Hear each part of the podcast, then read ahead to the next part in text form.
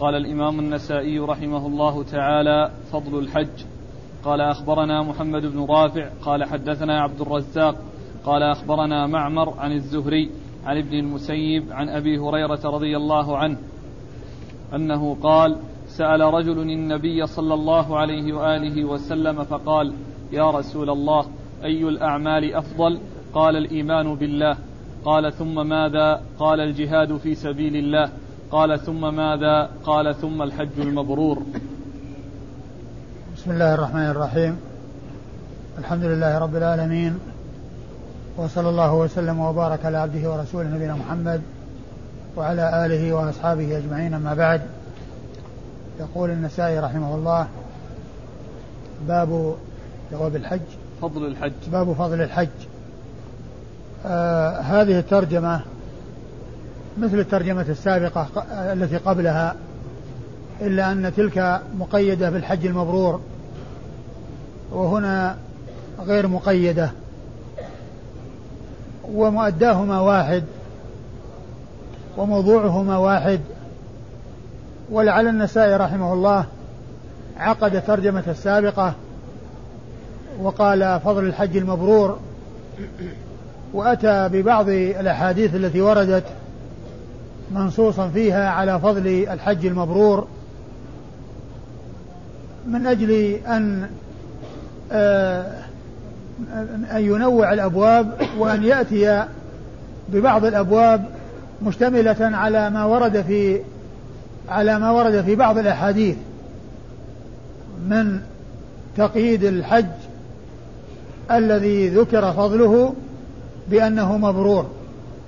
وإن كان الترجمة الأخيرة التي فيها فضل الحج بإطلاق وليس فيه ذكر القيد فيها بعض الأحاديث وردت بوصف الحج بأنه مبرور كما في هذا الحديث الأول من أحاديث هذا الباب وهو أن من خير الأعمال بعد الإيمان بالله والجهاد في سبيل الله الحج المبرور والأحاديث وأحاديث أخرى ستأتي فيها بيان فضل الحج ولكن ليس فيها ذكر القيد بأنه مبرور.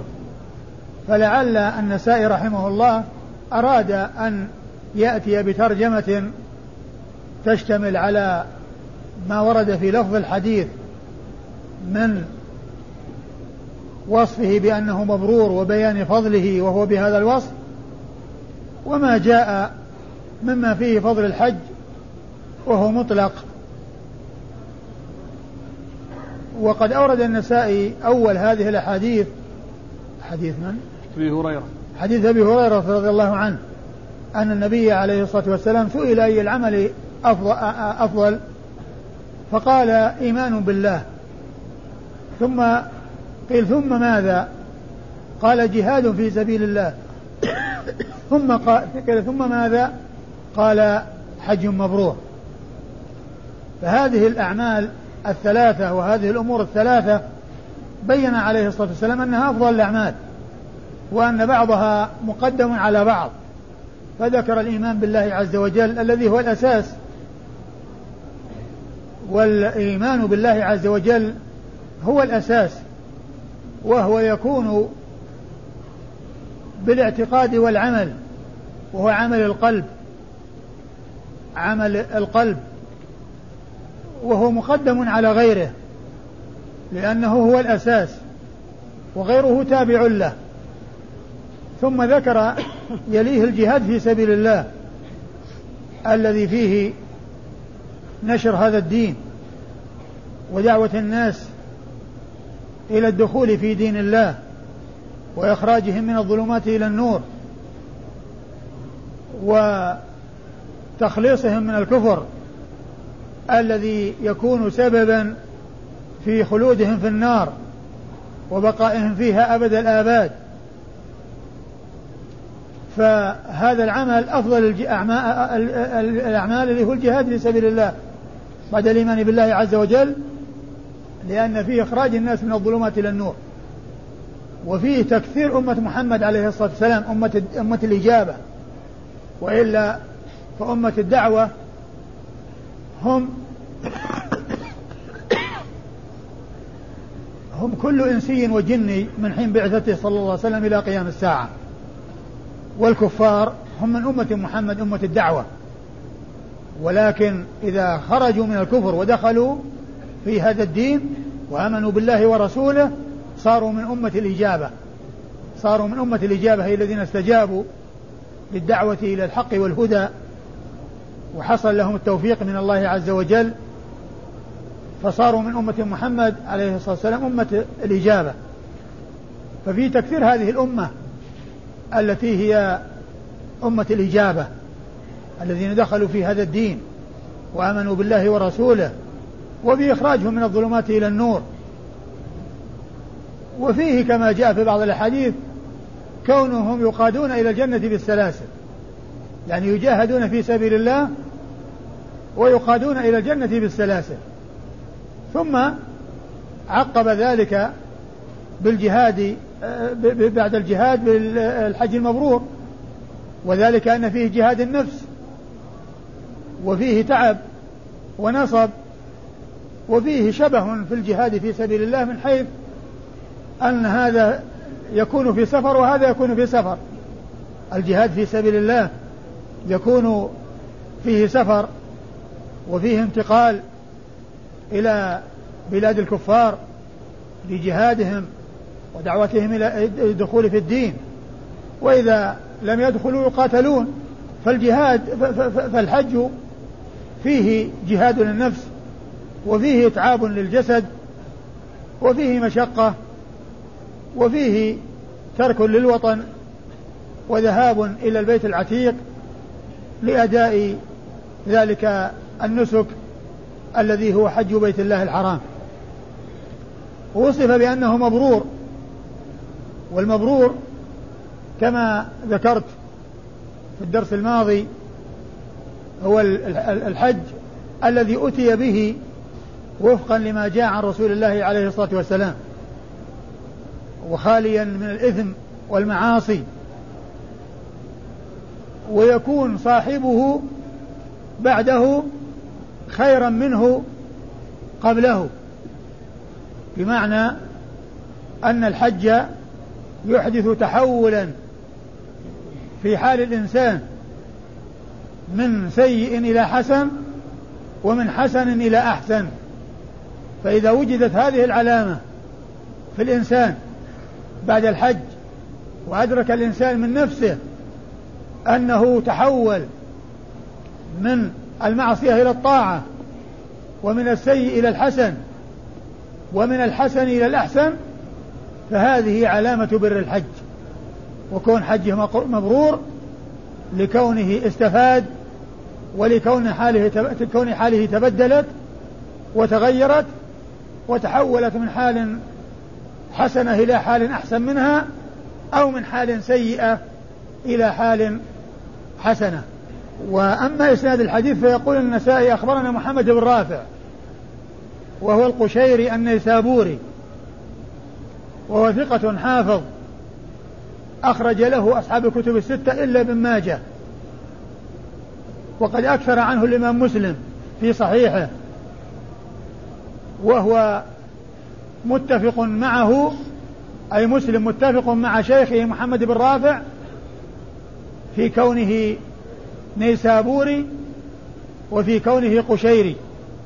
في كونه نيسابورية وكونه قشيرية. فهو فهو فهو مثله مثله في القبيلة وهو في وكذلك في الوطن. فهو قشيري النسب فكل منهما قشيري النسب وكل منهما نيسابوري الموطن. هذا محمد بن رافع النيسابوري القشيري. أكثر عنه الإمام مسلم في صحيحه وحديثه أخرجه أصحاب الكتب الستة إلا ابن ماجه.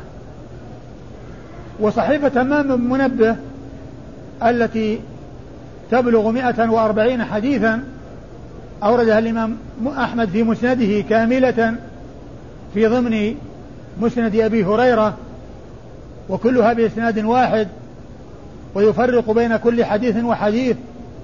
بأن يقول وقال رسول الله صلى الله عليه وسلم يأتي في أول إسناد حدثنا فلان حدثنا فلان عن أبي هريرة وأول الصحيفة نحن الآخرون الأولون يوم القيامة ثم بعد كل حديث يقول وقال رسول الله كذا مئة وأربعين مرة لأنها مئة وأربعون حديثا بإسناد واحد.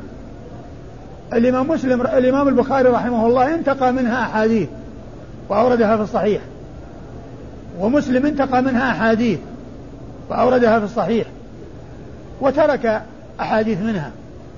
وهذا من أوضح الأدلة على أن البخاري ومسلم ما استوعبا الصحيح ولا قصد استيعابه لأنهما رويا جميعا من الصحيفة ولم يأخذا كل ما فيها. كل الأحاديث التي فيها ما وردوها في صحيحهم في صحيحيهما. فلو كان التزم إخراج الصحيح لرووا هذه الصحيفة كلها من أولها إلى آخرها لأنهم أخذوا بعضها وتركوا بعضها. وهذا من أوضح الأدلة على أن الشيخين ما قصد في تأليف الصحيحين استيعاب الأحاديث الصحيحة. ولم يلتزم ولهذا فإن الحاكم كونه يستدرك عليهما أحاديث لا وجه لهذا الاستدراك لأنه ما لم يلتزم حتى يستدرك عليهما. لم يلتزم حتى يستدرك عليهما. لأنه يستدرك من قال إنه التزم. فهذا يستدرك عليه يقول فاته كذا وفاته كذا وفاته كذا. أما من لم يلتزم فلا وجه للاستدراك عليه. لأن الشيخين لم يلتزم استيعاب الصحيح ولم يستوعبه لا هذا ولا هذا. لم يستوعبا ولم يلتزما.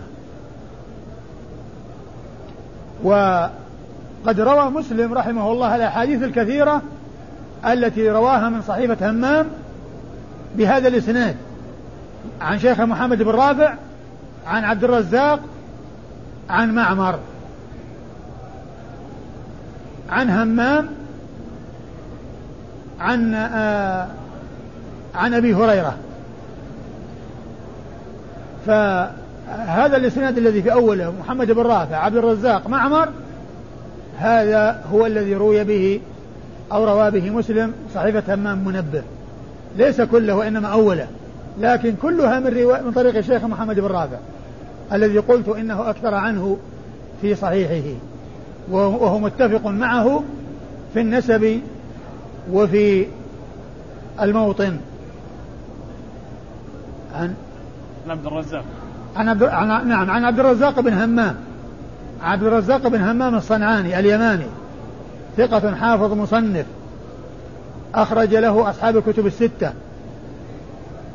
وقد ذكر عنه أو وصف بالتشيع ولكن تشيعه لا يؤثر لأن بعض السلف وبعض المحدثين وصفوا بالتشيع لكنه من قبيل التشيع الذي لا يضر ولا يؤثر وهو من قبيل تقديم علي على عثمان في الفضل فقط وهي مسألة خلافية بين أهل السنة. جمهور أهل السنة بل هو ك كالاتفاق من حيث الكثرة على أن عثمان أفضل من علي. وهو مقدم عليه في الفضل كما أنه مقدم عليه في الخلافة. ولا خلاف بين أهل السنة في أنه أولى منه في الخلافة لأن الصحابة اتفقوا على تقديمه في الخلافة. فالذي يعترض على كونه أولى منه في الخلافة معناه أنه يعارض الصحابة ويخالف الصحابة وكفى بذلك ضلالا أن يكون الصحابة في اتجاه وهو في اتجاه آخر. لكن مسألة الفضل وكون علي أفضل من عثمان قال به بعض أهل العلم ومنهم عبد الرزاق ومنهم عبد الرحمن بن أبي حاتم ومنهم الأعمش ومنهم ابن جرير وجماعة قليلون وصفوا بالتشيع وتشيعهم من هذا القبيل وهو لا يؤثر. وقد ذكر ابن تيمية رحمة الله عليه في آخر العقيدة الواسطية أن مسألة تقديم علي علي على عثمان بالفضل لا يضلل بها ولا يبدع بها. وإن كان جمهور أهل السنة على خلاف هذا القول لكن لا يضلل من قال بذلك ولا يبدع. وإنما الذي يضلل ويبدع من قال إنه أولى منه بالخلافة.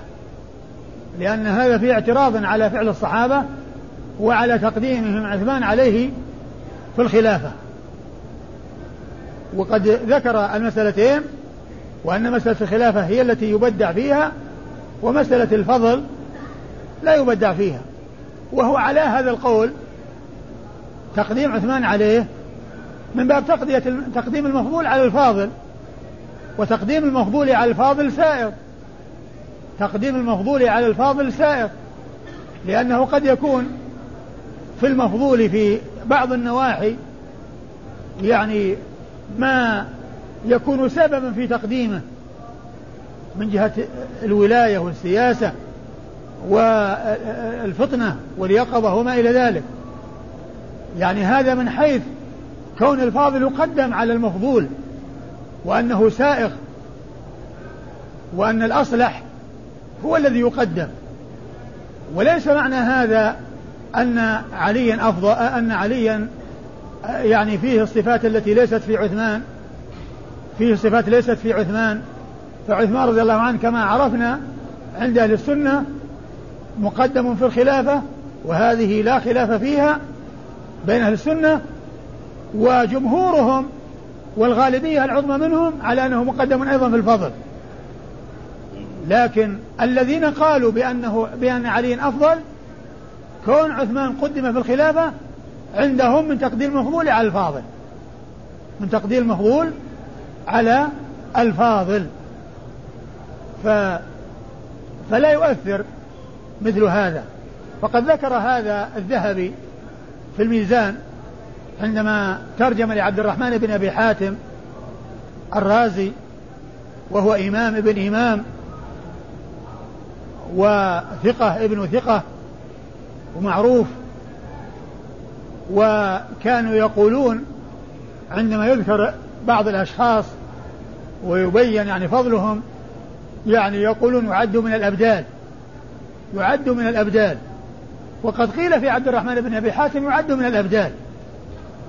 الذين يعني وجودهم في زمان فيه حفظ للدين وقيام بالدين ونشر الحق وإظهار للحق فكان يأتي في وصف بعض الأشخاص أن يقال يعد من الأبدال.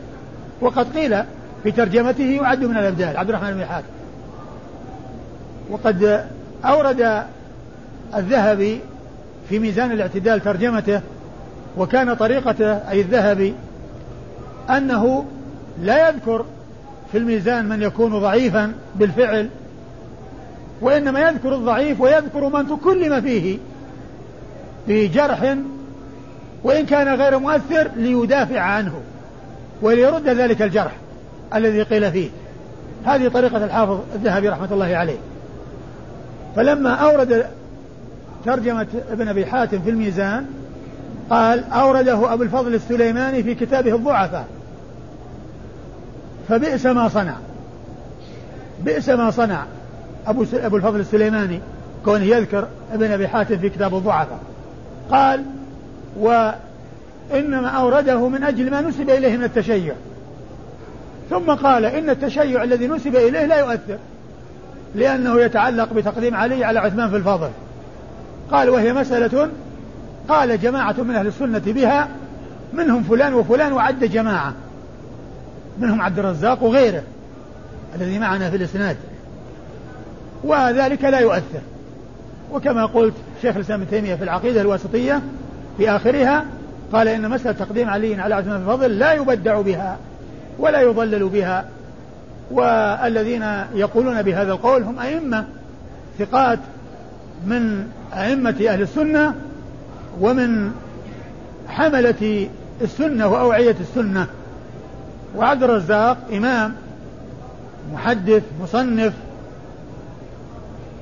فقيه روى الحديث الكثير ورحل إليه الإمام أحمد وأخذ عنه ورحل إليه العلماء في اليمن رحلوا إلى اليمن من أجله فهو إمام. وما نسب إليه من التشيع لا يؤثر. وحديثه أخرجه أصحاب الكتب الستة. عن معمر بن راشد الأزدي البصري ثم اليماني وهو شيخ عبد الرزاق وقال أكثر من الرواية عنه. وحديثه أخرجه أصحاب الكتب الستة.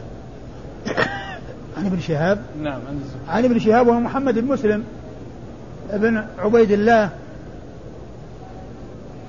ابن شهاب الزهري ثقة فقيه تابعي صغير مكثر من الرواية وحديثه أخرجه أصحاب الكتب الستة وهو الذي كلف وهو الذي كلفه عمر بن عبد العزيز رحمة الله عليه في خلافته أن يقوم بجمع السنة وتدوينها وهو عمل من جهة ولي الأمر وإلا فإن كتابة السنة وتدوينها بجهود فردية. هذا حصل قبل ذلك وموجود قبل ذلك وبعض الصحابة كان يكتب وبعض التابعين كان يكتب. ولكن الكتابة بتكليف من السلطان حصل على في زمن عمر بن عبد العزيز وكلف بذلك الزهري.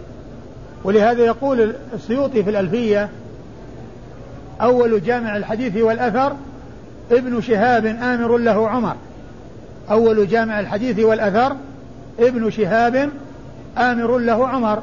أي عمر بن عبد العزيز رحمة الله عليه. عن المسيب. عن ابن المسيب وهو سعيد بن المسيب وهو ثقة فقيه من خيار التابعين وهو أحد فقهاء المدينة السبعة المعروفين في عصر التابعين. وهم سعيد المسيب وعروة بن الزبير وخارجة بن زيد بن ثابت وعبيد الله بن عبد الله بن عتبة بن مسعود وسليمان بن يسار و والقاسم بن محمد بن أبي بكر بن أبي بكر الصديق. هؤلاء ستة متفق على عدهم في الوقاية السبعة. والسابع فيه ثلاثة أقوال.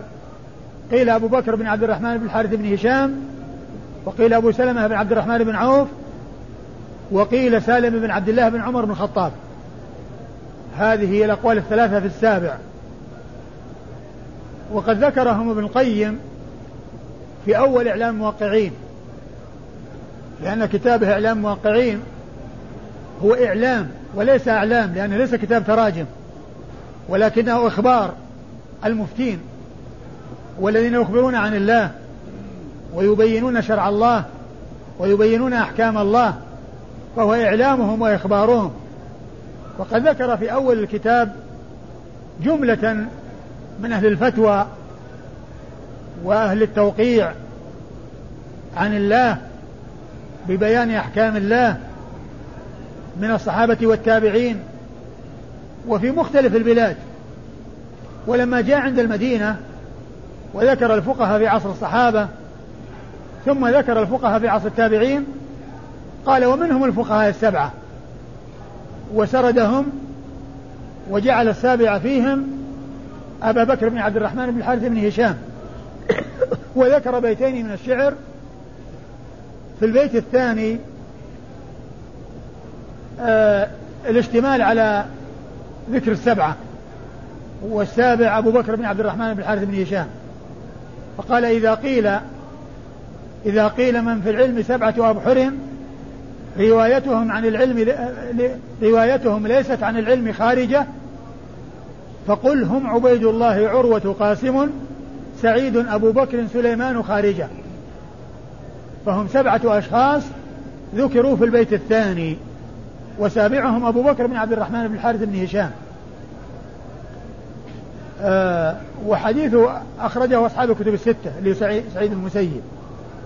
عن أبي هريرة عبد الرحمن بن صخر الدوسي صاحب رسول الله صلى الله عليه وسلم وأكثر أصحابه حديثا على الإطلاق والذين اشتهروا بكثرة الحديث عن النبي عليه الصلاة والسلام من صحابة الكرام سبعة وأكثرهم حديثا أبو هريرة رضي الله تعالى عن الجميع.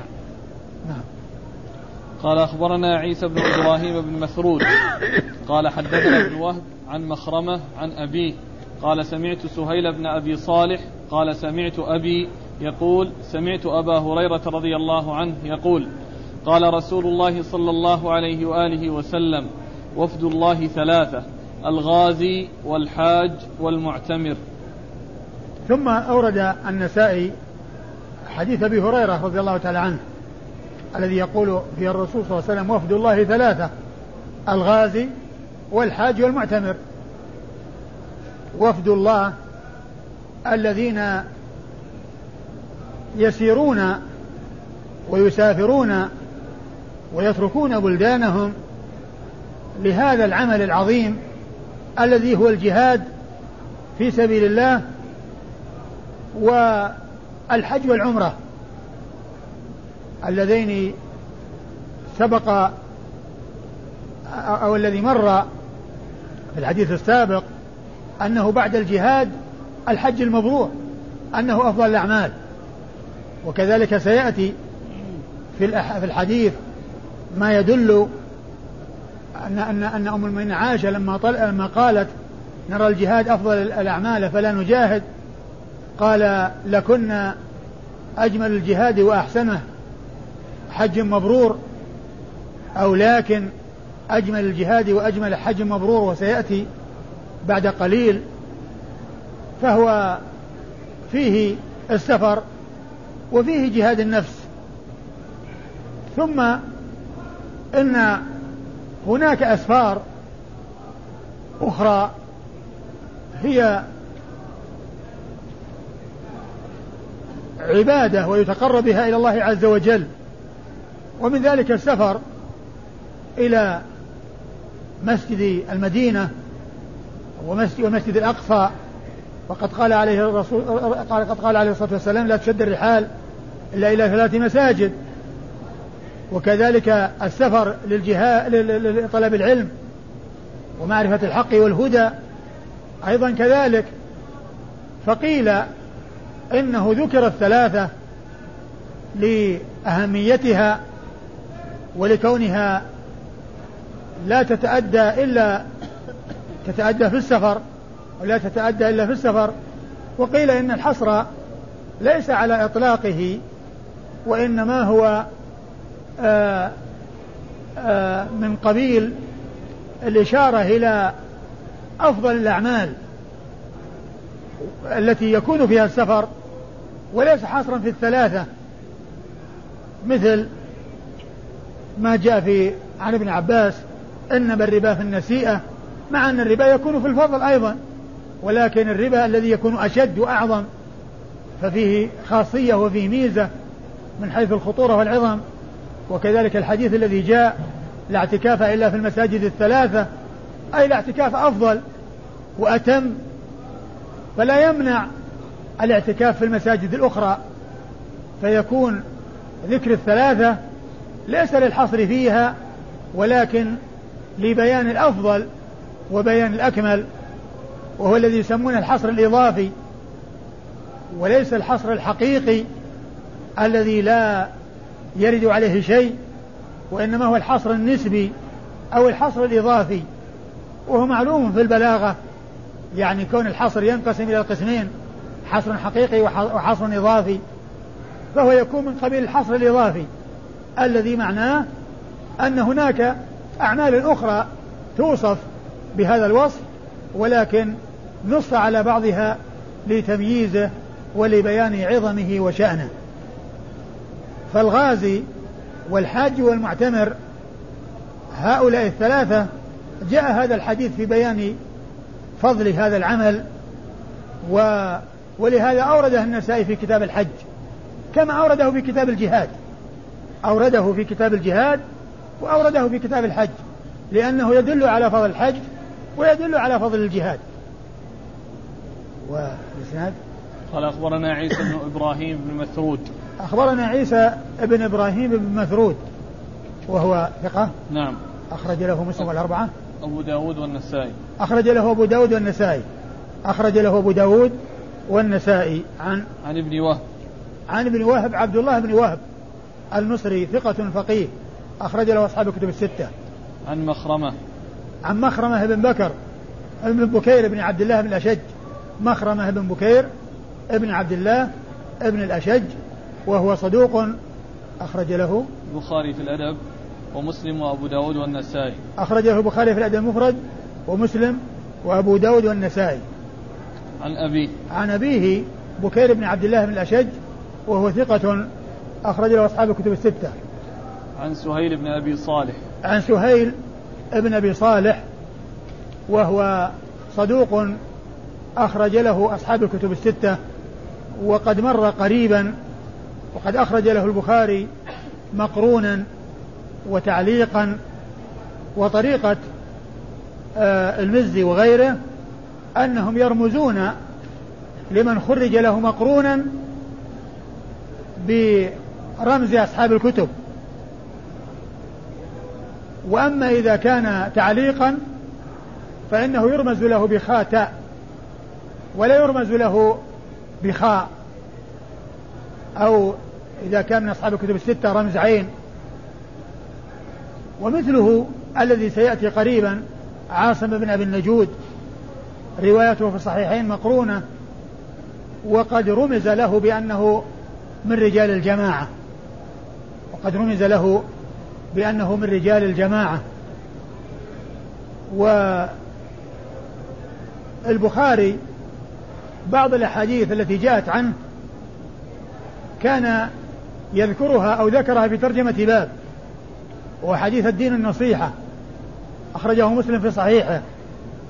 والبخاري رحمه الله ما رواه عنه يعني آه، استقلالا لأنه من رواية سهيل بن أبي صالح وهو لم يروي عنه استقلالا ولكنه أورد في ترجمة باب في كتاب في كتاب ال ال الإيمان في آخره.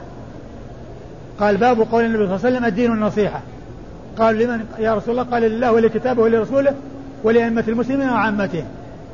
ثم أورد حديث جرير بن عبد الله بايعت رسول الله صلى الله عليه وسلم على إقام الصلاة وإيتاء الزكاة ونصح لكل مسلم.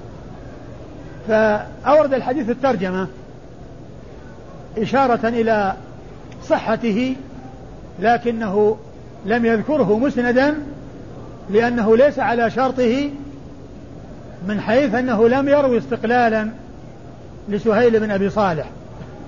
وإن كان روى عنه مقرونا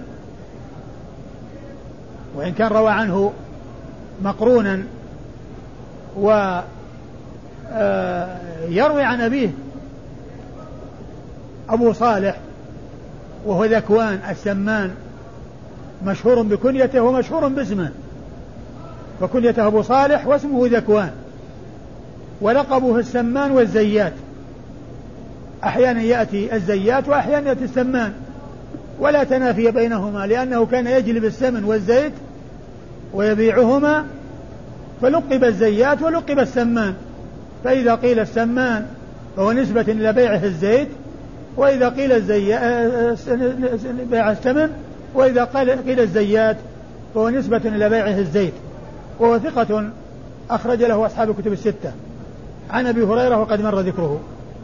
قال أخبرنا محمد بن عبد الله بن عبد الحكم عن شعيب عن الليث قال حدثنا خالد عن ابن أبي هلال عن يزيد بن عبد الله عن محمد بن إبراهيم عن أبي سلمة عن أبي هريرة رضي الله عنه عن رسول الله صلى الله عليه وآله وسلم أنه قال جهاد الكبير والصغير والضعيف والمرأة الحج والعمرة. ثم أورد النسائي حديث أبي هريرة. أبي هريرة. حديث أبي هريرة أيضا أن النبي صلى الله عليه وسلم قال جهاد الكبير والصغير والضعيف والمرأة الحج والعمرة. يعني هؤلاء الذين يعني لا يتمكنون من الجهاد وليسوا من أهل الجهاد في سبيل الله جهادهم الحج والعمرة. جهادهم الحج والعمرة. وهو مثل الحديث الذي سيأتي. لما قالت عائشة نرى الجهاد أفضل العمل فلا نجاهد؟ قال لكن أو لكن أجمل الجهاد وأحسنه الحج والعمرة أو الحج المبرور الذي سيأتي. وهنا قال جهاد الكبير والصغير والضعيف والمرأة الحج والعمرة. هذا هو جهادهم. الذي هو سفر وفي جهاد للنفس وفي تحمل مشقة السفر هذا هو جهاد هؤلاء الذين هم ليسوا من أهل الجهاد. الذي هو آه، آه، الغزو في سبيل الله عز وجل. وهو دال على فضل الحج كما ترجم له المصنف. فضل الحج من فضله أنه وصف بأنه جهاد لمن لا يكون من أهل الجهاد. نعم. محمد قال أخبرنا محمد بن عبد الله بن عبد الحكم. أخبرنا محمد بن عبد الله بن الحكم بن عبد الحكم المصري وهو ثقة أخرج له النسائي وحده. أخرج له النسائي وحده. عن شعيب. عن شعيب بن الليث بن سعد وهو ثقة أخرج له مسلم وأبو داود والنسائي. عن الليث. عن أبيه الليث بن سعد المصري ثقة فقيه. أخرج له أصحاب الكتب الستة. عن خالد. عن آه، عن خالد وهو ابن يزيد. خالد ابن يزيد المصري وهو ثقة أخرج له أصحاب الكتب الستة. عن ابن أبي هلال. عن ابن أبي هلال وهو سعيد بن أبي هلال. سعيد بن أبي هلال وهو صدوق أخرج له أصحاب الكتب الستة. عن يزيد بن عبد الله. عن يزيد بن عبد الله بن أسامة بن الهاد. وهو ثقة مكثر أخرج له أصحاب الكتب الستة. عن محمد بن إبراهيم. عن محمد بن إبراهيم التيمي وهو ثقة أخرج له أصحاب الكتب الستة. عن أبي سلمة. عن أبي سلمة بن عبد الرحمن بن عوف وهو ثقة أخرج له أصحاب الكتب الستة. وهو أحد فقهاء المدينة السبعة على أحد الأقوال الثلاثة في السابع منهم كما أشرت إلى ذلك آنفا وحديثه أخرجه أصحاب الكتب الستة. عن أبي هريرة وقد مر ذكره. وهذا الحديث من أطول الأسانيد عند النسائي لأن الرجال تسعة وأطول الأسانيد عند النسائي العشاريات الذي يكون فيه بين الرسول بينه وبين الرسول صلى الله عليه وسلم عشرة أشخاص. هذا كأطول الأسانيد عنده.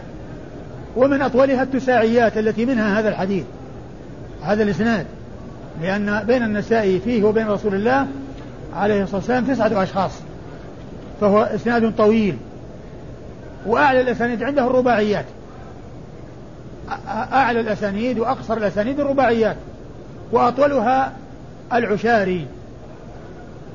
وكذلك التساعيات. وقد مر بنا في فضل قل هو الله أحد. حديث إسناده فيه عشرة أشخاص بين النسائي وبين رسول الله صلى الله عليه وسلم. ثم قال النسائي هذا أطول إسناد. هذا أطول إسناد. يعني ذلك الحديث الذي فيه عشرة أشخاص بينه وبين رسول الله صلى الله عليه وسلم. نعم. قال أخبرنا أبو عمار الحسين بن حريث المروزي. قال حدثنا الفضيل وهو ابن عياض. عن منصور عن أبي حازم عن أبي هريرة رضي الله عنه أنه قال قال رسول الله صلى الله عليه وآله وسلم من حج هذا البيت فلم يرفث ولم يفسق رجع كما ولدته أمه. ثم أورد النسائي حديث آه، أبي هريرة. حديث أبي هريرة أيضا في فضل الحج وهو أن النبي عليه الصلاة والسلام قال من حج هذا البيت فلم يرفث ولم يفسق رجع كما ولدته أمه.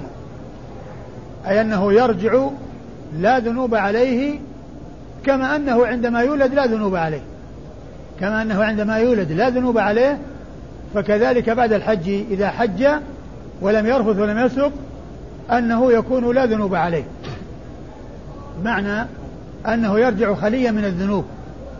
ومن المعلوم أنه بالنسبة للصغائر أمره واضح لا إشكال فيه. وأما بالنسبة للكبائر فإنه إذا كان هناك توبة في الحج من جميع الذنوب فهو يرجع كما كذلك. أما إذا كان مصرا على الكبائر أو متلبس بالكبائر وقد حج ف فإنه لا يرجع كذلك. والحديث فيه التقييد بأنه لم يرفث ولم يفسق والرفث فسر بأنه الجماع ومقدمات الجماع ومن المعلوم أن هذا ممنوع في الحج وهو يطلق عليه الرفث ويطلق الرفث أيضا على الفاحش من القول ولا شك أن هذا وهذا مطلوبان مطلوب تركهما في الحج. وإن كان الفحش من القول مطلوب دائما وأبدا إلا أن الأمر يكون أعظم وأشد بالنسبة لكل إنسان متلبس بعبادة. مثل ما جاء في الصيام إذا كان يوم صام أحدكم فلا يرفث لأن الرفث الذي هو الفحش من القول يمنع منه الصائم ويمنع منه الحاج فقط بل كل يمنع منه. لكن المتلبس بعبادة يعني عليه من المسؤولية وعليه من الحذر واليقظة والبعد عن المعاصي أعظم مما يكون على غيره. وإن كان الكل مطلوب منه أن يبتعد عن المعاصي وعن عن الفاحش من القول. ولم يفسق الفسق هو الخروج عن الطاعة وهو المعاصي وحصول المعصية. فالحج الذي لا رفث فيه ولا فسوق ومعه التوبة. ويكون الإنسان تاب فيه من الذنوب والمعاصي والكبائر فهذا يرجع كيوم ولدته أمه. وإذا كان مصرا على المعاصي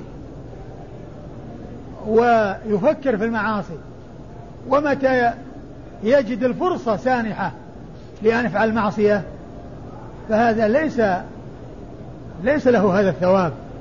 الذي جاء في هذا الحديث. من حج ولم يرفث ولم يفسق رجع كيوم ولدته أمه. قد اشتهر في كثير من الكتب زيادة من من ذنوبه أو من ذنبه. رجع من ذنوبه كيوم ولدته أمه. وهي لا وجود لها في الصحيحين. وكذلك في الكتب التي أشار آه، آه، أشير في التعليق إلى أنه خرجه الترمذي وخرجه أيضا غير النسائي ابن ماجه لا وجود لهذا القيد الذي هو من الذنوب. خرج من ذنوبه كيوم ولدت أمه. وإنما فيها بدون ذكر من ذنوبه. لكن معلوم المعنى وأنه يخرج لا ذنب له لأن الإنسان عندما يولد لم يحصل له ذنوب. فمعنى هذا أنه يكون كذلك إذا تاب توبة في حجه ولم يرفث ولم يسرق في حجه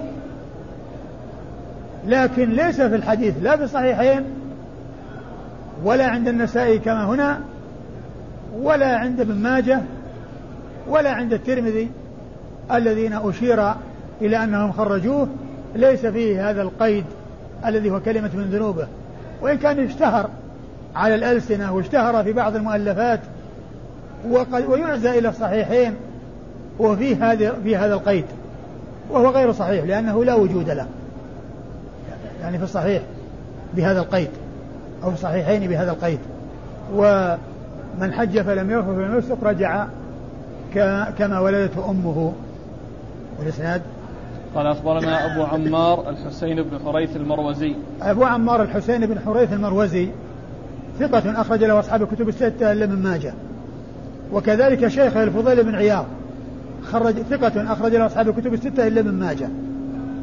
ومثل هؤلاء أو مثل هذين محمد بن رافع الذي مر بنا قريبا خرج أصحاب الكتب الستة إلا من ماجه.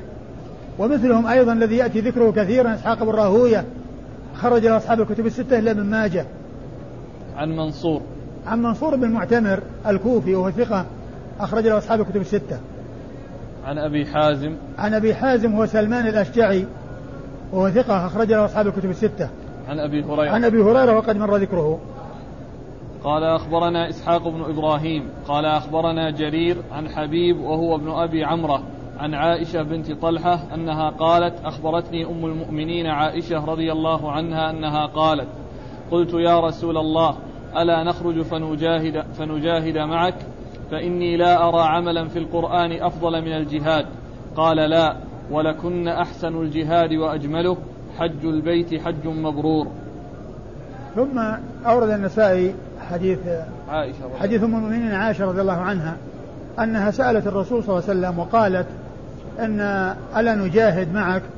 فإنني لم أرى في القرآن عملا أفضل من الجهاد. فقال لا ولكن آه، أجمل الجهاد وأجمل الجهاد وأحسنه؟ لا بالعكس ولكن أحسن الجهاد ولكن أحسن الجهاد وأجمله؟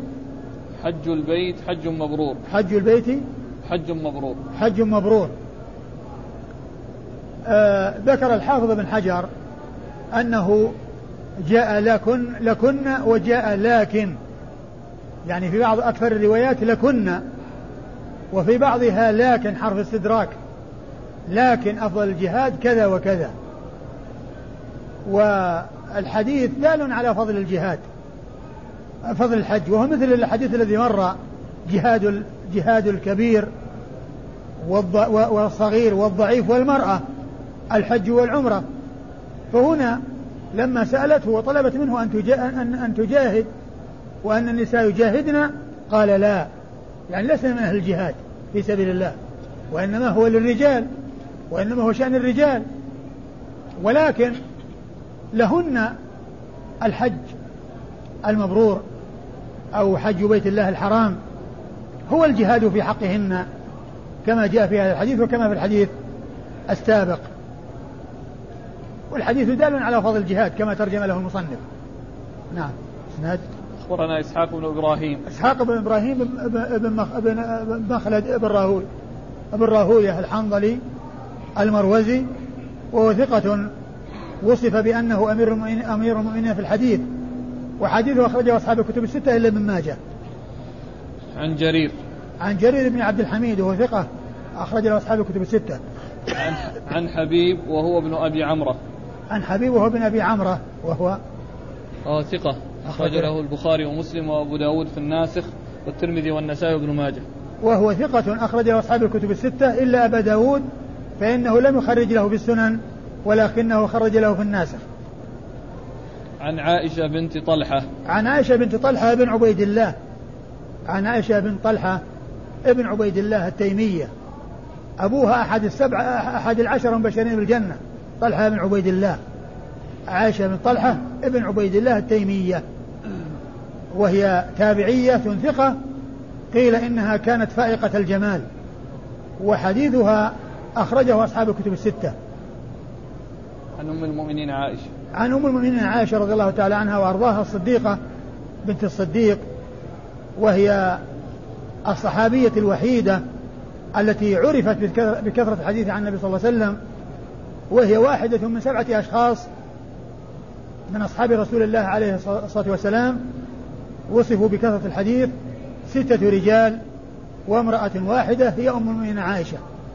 وقد جمعهم السيوطي في الألفية بقوله والمكثرون في رواية الأثر أبو هريرة يليه بن عمر وأنس والبحر كالخدري وجابر وزوجة النبي أي عائشة رضي الله تعالى عنها وأرضاها نعم. قال فضل العمرة نعم. قال أخبرنا قتيبة بن سعيد عن مالك عن سمي عن أبي صالح عن أبي هريرة رضي الله عنه أنه قال قال رسول الله صلى الله عليه وآله وسلم العمرة إلى العمرة كفارة لما بينهما والحج المبرور ليس له جزاء إلا الجنة.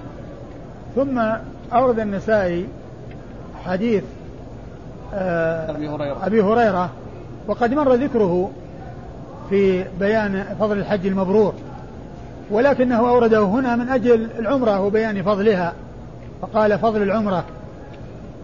وهو دال على فضل الحج وعلى فضل العمرة. وذلك في قولها العمرة إلى العمرة كفارة لما بينهم. يعني معناه أن العمرة إذا جاءت بعدها العمرة فهي تكفر ما بينها وبين العمرة السابقة. وهو دال على فضل العمرة ودال على تكرار العمرة وعلى أن العمرة تكرر. لكن التكرر الذي جاء الترغيب فيه وهو كون الإنسان يسافر إلى مكة من أجل العمرة. وليس الذي يكون في مكة ثم يتردد بين الكعبة والتنعيم ويأتي في اليوم عشر عمر أو خمس عمر أو أكثر أو أقل. فإن هذا ما فعله الرسول صلى الله عليه وسلم ولا رغب فيه. ولكن المقصود كون الإنسان يذهب إلى مكة. ولهذا جاء عن بعض سلف هذه الأمة أنهم يفضلون الحج الإفراد قالوا حتى يأتي الإنسان مرة أخرى للعمرة وحتى يحصل التكرر للسفر إلى مكة لأن الإنسان إذا إذا حج متمتعا أتى بالحجة والعمرة في سفرة واحدة لكن إذا أتى مفردا فإنه يأتي أيضا بسفر بسفرة أخرى للعمرة. وإن كان وهذا قاله بعض سلف هذه الأمة ولكن لا شك أن التمتع أفضل وفيه الجمع بين العمرة والحج في سفر واحد. وإذا فالعمرة إلى العمرة كفارة لما بينهما وهو دال على فضل العمرة وعلى فضل الإكثار من العمرة وذلك بالسفر إلى مكة من أجل أداء العمرة. والإسناد؟ قال أخبرنا قتيبة بن سعيد. قتيبة بن سعيد بن جميل بن طريف البغلاني وبغلان قرية من قرى بلخ وهو ثقة ثبت أخرج له أصحاب الكتب الستة. عن مالك. عن مالك بن أنس إمام دار الهجرة المحدث الفقيه أخرج له حديثه أخرجه أصحاب الكتب الستة. عن سمي. عن سمي مولى أبي بكر بن عبد الرحمن بن الحارث بن هشام. مولى أبي بكر بن عبد الرحمن بن الحارث بن هشام وهو ثقة أخرج له أصحاب الكتب الستة. عن أبي صالح عن أبي هريرة. عن أبي صالح عن أبي هريرة وقد مر ذكرهما قريبا. قال فضل المتابعة بين الحج والعمرة. قال أخبرنا أبو داود قال حدثنا أبو عتاب قال حدثنا عزرة بن ثابت عن عمرو بن دينار أنه قال قال ابن عباس رضي الله عنهما قال رسول الله صلى الله عليه وآله وسلم تابعوا بين الحج والعمرة. فإنهما ينفيان الفقر والذنوب كما ينفي الكير خبث الحديد. ثم ورد النسائي وهي هذه الترجمة وهي متابعة. فضل المتابعة بين الحج والعمرة. فضل المتابعة بين الحج والعمرة. يعني كل إنسان يعني يحج ويعتمر ويأتي بالعمرة ويأتي بعد الحج ثم يحج ثم يأتي بعمرة. ويعني يعني معناه أنه يعتمر عمرة قبل الحج ويحج ثم يأتي بعمرة بعد ذلك والمقصود أنه يسافر إلى مكة وليس المقصود أنه بعد الحج يروح للتنعيم ويأتي بعمرة لأن الرسول صلى الله عليه وسلم ما فعل هذا ولا أرشد إليه ولا رغب فيه وإنما أرشد عائشة رضي الله عنها لظرف خاص حصل لها ولم يفعل ذلك أخوها الذي ذهب معها وهو عبد الرحمن بن أبي بكر رضي الله تعالى عنه. وكذلك أصحابه اللي كان الرسول صلى الله عليه وسلم وأصحابه اللي كانوا جالسين في الأبطح ينتظرون عائشة. ما قال اذهبوا وأتوا بعمرة ما دمنا جالسين جالسين. فدل هذا على أن العمرة المشروعة المستحبة التي يؤتى بها هي التي يقصد البيت من أجلها ويذهب الإنسان يسافر من أجلها. هذه العمرة المشروعة. فالمتابعة بين الحج والعمرة كون الإنسان يعني يحج ويعتمر ويحج ويعتمر يأتي بالعمرة ويأتي ثم يأتي الحج ويأتي بعد الحج بعمرة وهكذا. يعني معناه أنه يتردد على مكة حاجا معتمرا. أورد النسائي حديث آه ابن عباس. حديث ابن عباس تابعوا بين الحج والعمرة. فإنهما ينفيان الذنوب والفقر كما ينفي الكير خبث الحديد فهو دال على فضل المتابعة بينهما وعلى فضل الحج والإكثار منه وكذلك العمرة والإكثار منها والمتابعة بينهما وأنهما ينفيان الفقر والذنوب كما ينفي الكير خبث الحديد. ولعله ذكر الفقر ونفي الفقر لأنه يترتب لأن الحج يترتب عليه سفر ويحتاج إلى نفقة. والإنسان قد تحدثه نفسه بأن لا يذهب لأنه ينقص ماله أو يكون فيه انفاق. فأرشد الرسول صلى الله عليه وسلم إلى أنهما ينفيان الذنوب والفقر. كما ينفي الكير خبث الحديد وهو أنه عندما يحمى على الحديد بالنار ويضرب بالمرزبة التي يضرب بها يخرج رديئه ويبقى جيده. يخرج رديء الحديد ويبقى جيده. قال أخبرنا أبو داود.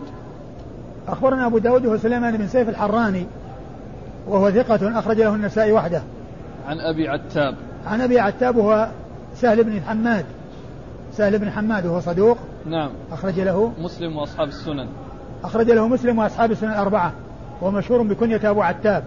واسمه سهل بن حماد. عن عزرة بن ثابت. عن عزرة ابن ثابت.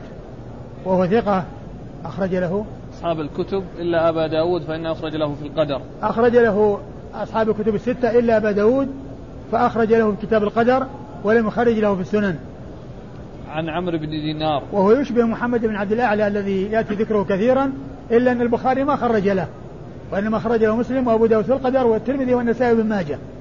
فهو مثل محمد بن عبد الأعلى إلا أن محمد بن عبد الأعلى يزيد عليه بأن البخاري خرج له.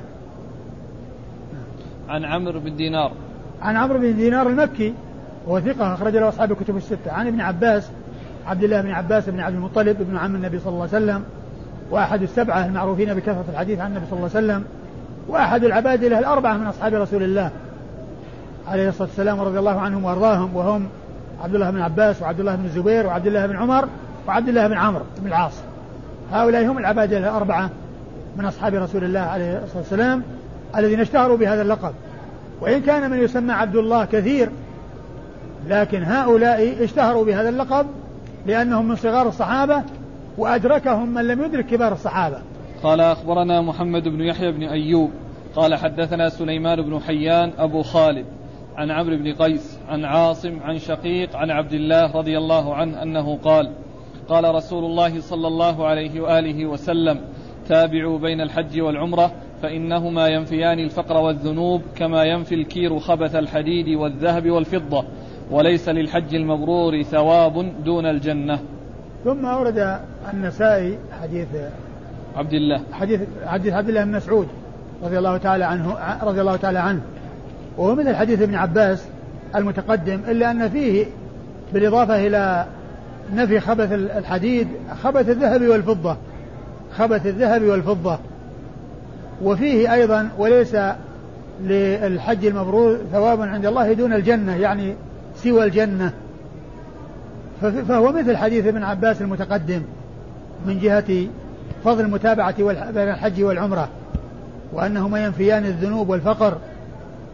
وأما إسناد الحديث فيقول النسائي أخبرنا محمد بن يحيى بن أيوب.